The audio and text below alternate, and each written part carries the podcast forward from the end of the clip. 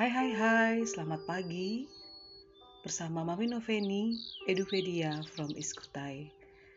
Pada pagi hari ini, ditemani kokok ayam, ditemani kicauan burung, kita bersama-sama belajar tentang satu kisah di dalam Alkitab.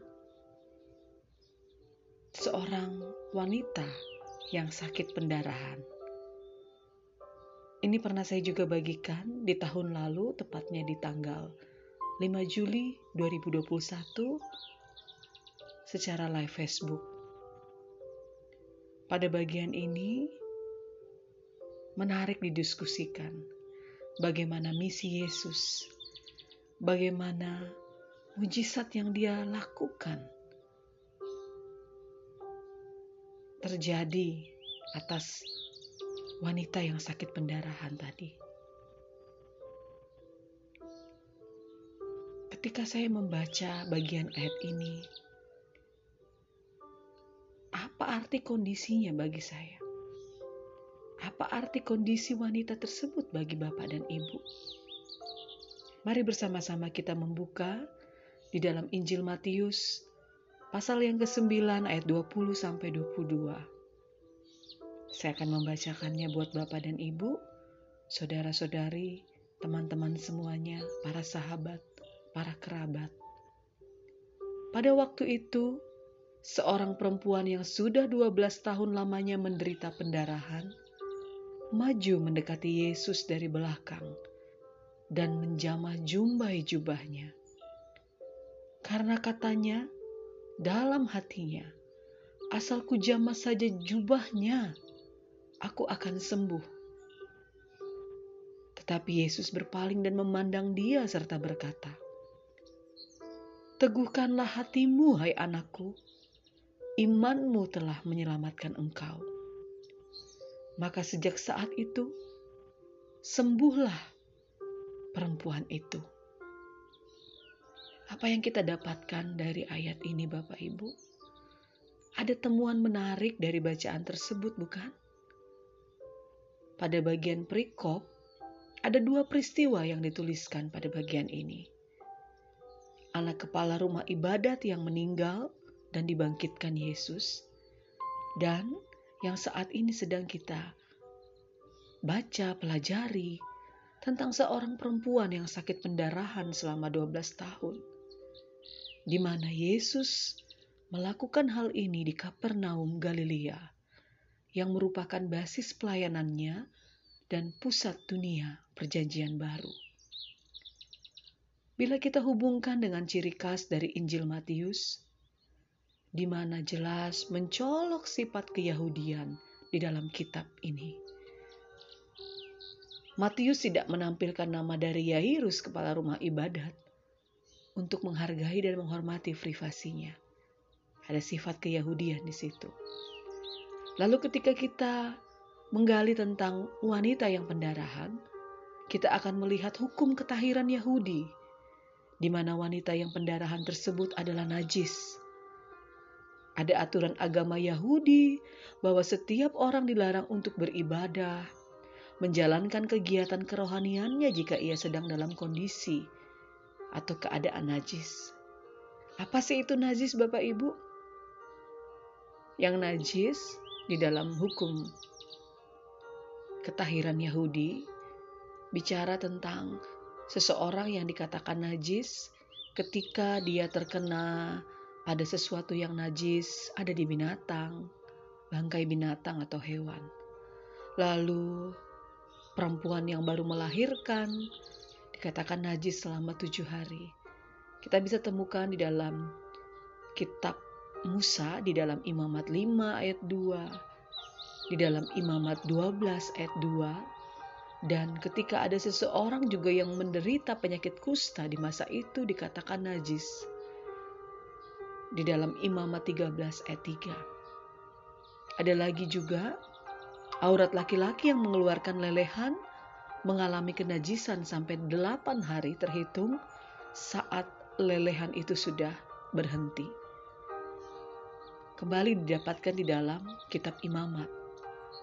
Ada laki-laki yang tertumpah spermanya, dia juga mengalami kenajisan sampai matahari terbenam. Perempuan yang cemar kain atau mengalami menstruasi atau haid, ia mengalami kenajisan selama tujuh hari, ditambah tujuh hari sesudahnya. Bila ia menyentuh mayat, ia juga mengalami kenajisan selama tujuh hari. Kita melihat ayat pembandingnya di dalam Injil Markus pasal yang kelima ayat 25 sampai 34. Di situ dikatakan, adakah di situ seorang perempuan yang sudah maaf, adalah di situ seorang perempuan yang sudah 12 tahun lamanya menderita pendarahan. Ia telah berulang-ulang diobati oleh berbagai tabib, sehingga telah dihabiskannya semua yang ada padanya. Namun sama sekali tidak ada faedahnya, malah sebaliknya keadaannya makin memburuk. Ayat 27, dia sudah mendengar berita-berita tentang Yesus. Maka di tengah-tengah orang banyak itu ia mendekati Yesus dari belakang dan menjamah jubahnya. Sebab katanya, asal kujamah saja jubahnya, daku akan sembuh. Seketika itu juga berhentilah pendarahannya, dan ia merasa bahwa badannya sudah sembuh dari penyakitnya. Pada ketika itu juga Yesus mengetahui bahwa ada tenaga yang keluar dari dirinya. Lalu ia berpaling di tengah orang banyak dan bertanya, Siapa yang menjamah jubahku? Murid-muridnya menjawab, Engkau melihat bagaimana orang-orang ini berdesak-desakan dekatmu, dan engkau bertanya siapa yang menjamah aku? Lalu ia memandang sekelilingnya untuk melihat siapa yang telah melakukan hal itu. Perempuan itu yang menjadi takut dan gemetar ketika mengetahui apa yang telah terjadi atas dirinya, tampil dan tersungkur di depan Yesus, dan dengan tulus memberitahukan segala sesuatu kepadanya. Maka katanya kepada perempuan itu, "Hai anakku, imanmu telah menyelamatkan engkau. Pergilah dengan selamat dan sembuhlah dari penyakit."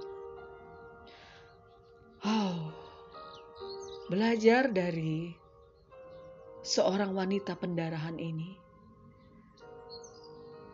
adalah sesuatu yang menegur saya. 12 tahun lamanya. Buat kita seorang wanita mengalami menstruasi tamu bulanan kita ya setiap bulan atau juga masa nifas ya Bapak Ibu, itu juga terkadang membuat kita sedikit kerepotan ya ketika beraktivitas. Bagaimana para wanita? Benar? Coba Anda bayangkan 12 tahun kondisinya seperti itu. Tidak ada transfusi darah di zaman itu. Bahkan di dalam ayat ini kita bisa melihat dia berulang-ulang diobati oleh berbagai tabib. Dia menghabiskan semua yang ada padanya. Tidak ada faedahnya. Bahkan kondisinya semakin memburuk. Dari ayat-ayat yang kita baca tadi, ada hal yang menarik ada hal yang membuat kita semakin mengerti akan kedatangan Kristus kali yang pertama.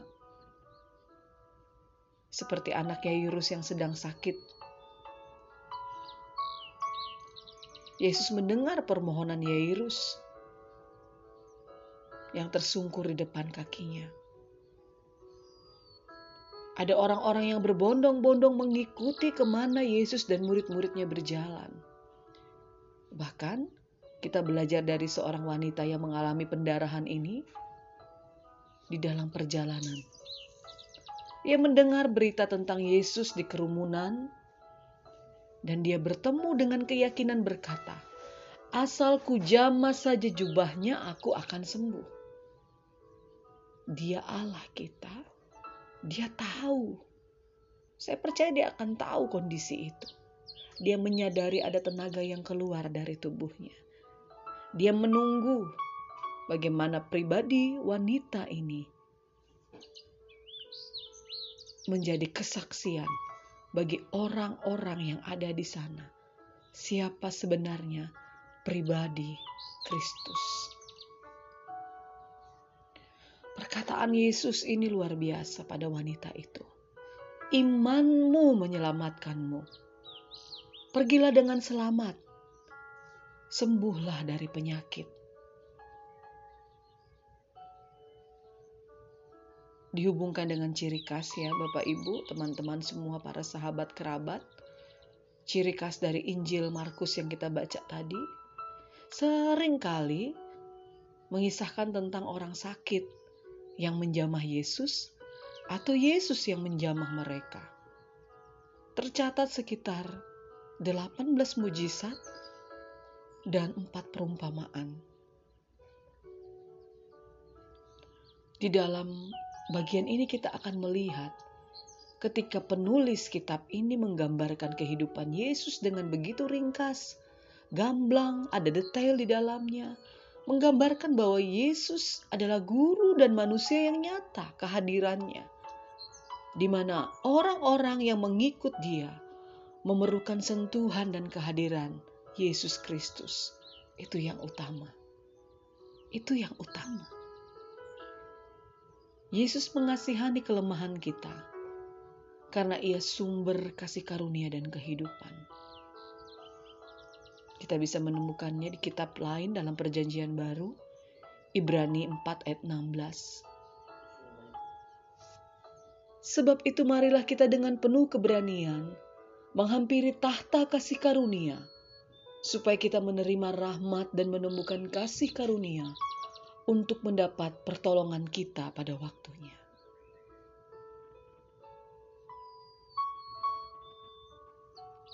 Lalu, ketika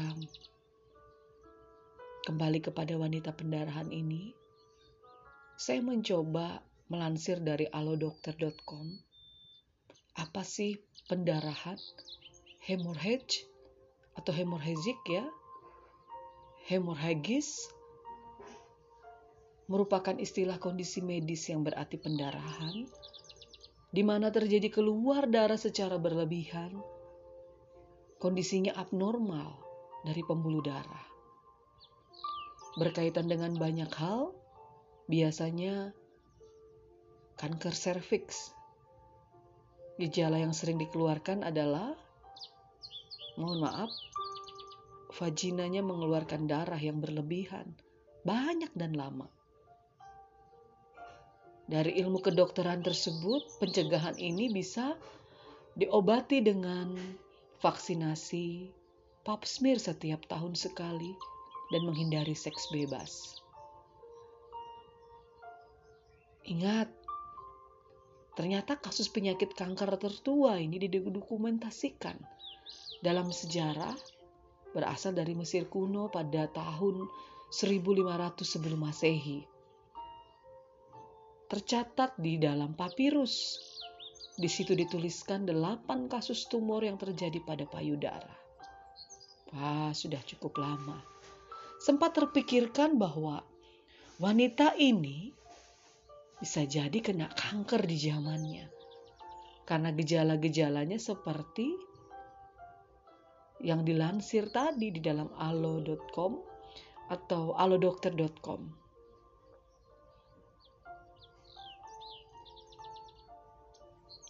belum ada kemoterapi di zaman itu ya. Benar nggak Bapak Ibu teman-teman? Yesus datang di zaman itu di masa itu. Menunjukkan belas kasihannya. Lalu kita bisa melihat juga di dalam Injil Lukas. Lukas 8 ayat 43 sampai 48 Dikatakan di situ ada seorang perempuan yang sudah menderita pendarahan berat selama 12 tahun dan tidak seorang pun yang dapat menyembuhkannya. Perempuan itu mendekati Yesus dari belakang dan menyentuh ujung jubahnya. Maka seketika itu juga pendarahannya berhenti. Lalu Yesus berkata, "Siapa yang menyentuhku?" Karena semua orang menyangkal, Petrus berkata, "Guru, orang banyak berkumpul di sekelilingmu dan berdesak-desakan denganmu." Akan tetapi Yesus berkata, Seseorang menyentuhku karena aku merasa ada kuasa yang keluar dariku. Wow. Ayat 47. Ketika perempuan itu melihat bahwa ia tidak dapat menyembunyikan diri, ia datang kepada Yesus dengan gemetar dan bersujud di hadapannya. Di depan semua orang ia menceritakan mengapa ia menyentuh Yesus dan bagaimana ia dengan seketika disembuhkan. Kemudian Yesus berkata kepadanya, Anakku, imanmu telah menyembuhkanmu. Pergilah dalam damai sejahtera. Dari bacaan Lukas tadi kita bisa melihat ya kan, tidak berhasil juga disembuhkan oleh siapa pun. Dia berani mendekati Yesus dari belakang, menjamah jumbai jubahnya. Ketahuan apa yang ia lakukan. Lalu dengan gemetar dia bisa mengaku dia menceritakan kepada orang banyak yang ada di situ mengapa dia menjamah. Dan dia menyaksikan seketika itu sembuh. Yesus juga mengatakan, "Siapa yang menyentuhku?" Aku merasa ada kuasa yang keluar dariku. Kata-kata Yesus lagi, "Imanmu menyelamatkan engkau pergilah dengan selamat. Ciri khas dari kitab Injil Lukas ini ya, universal cakupannya bahwa keselamatan bagi semua orang. Perhatian Yesus kepada orang yang kekurangan. Dan ketika kita membaca bagian ini tentang wanita yang sakit pendarahan, sukacitanya begitu luar biasa. Karena penderitaannya selama 12 tahun, ia dapat sembuh. Ia menerima Kristus dan berita yang disampaikan oleh Kristus. Apa refleksinya buat kita? Apakah kita percaya karena kita beriman? Ataukah kita beriman sebab kita percaya? Sudahkah kita merasakan, merasapi, memaknai, mempraktekkan, menghidupi iman dengan memandang Dia dalam tindakan-tindakannya yang begitu indah dan utuh dalam hidup kita.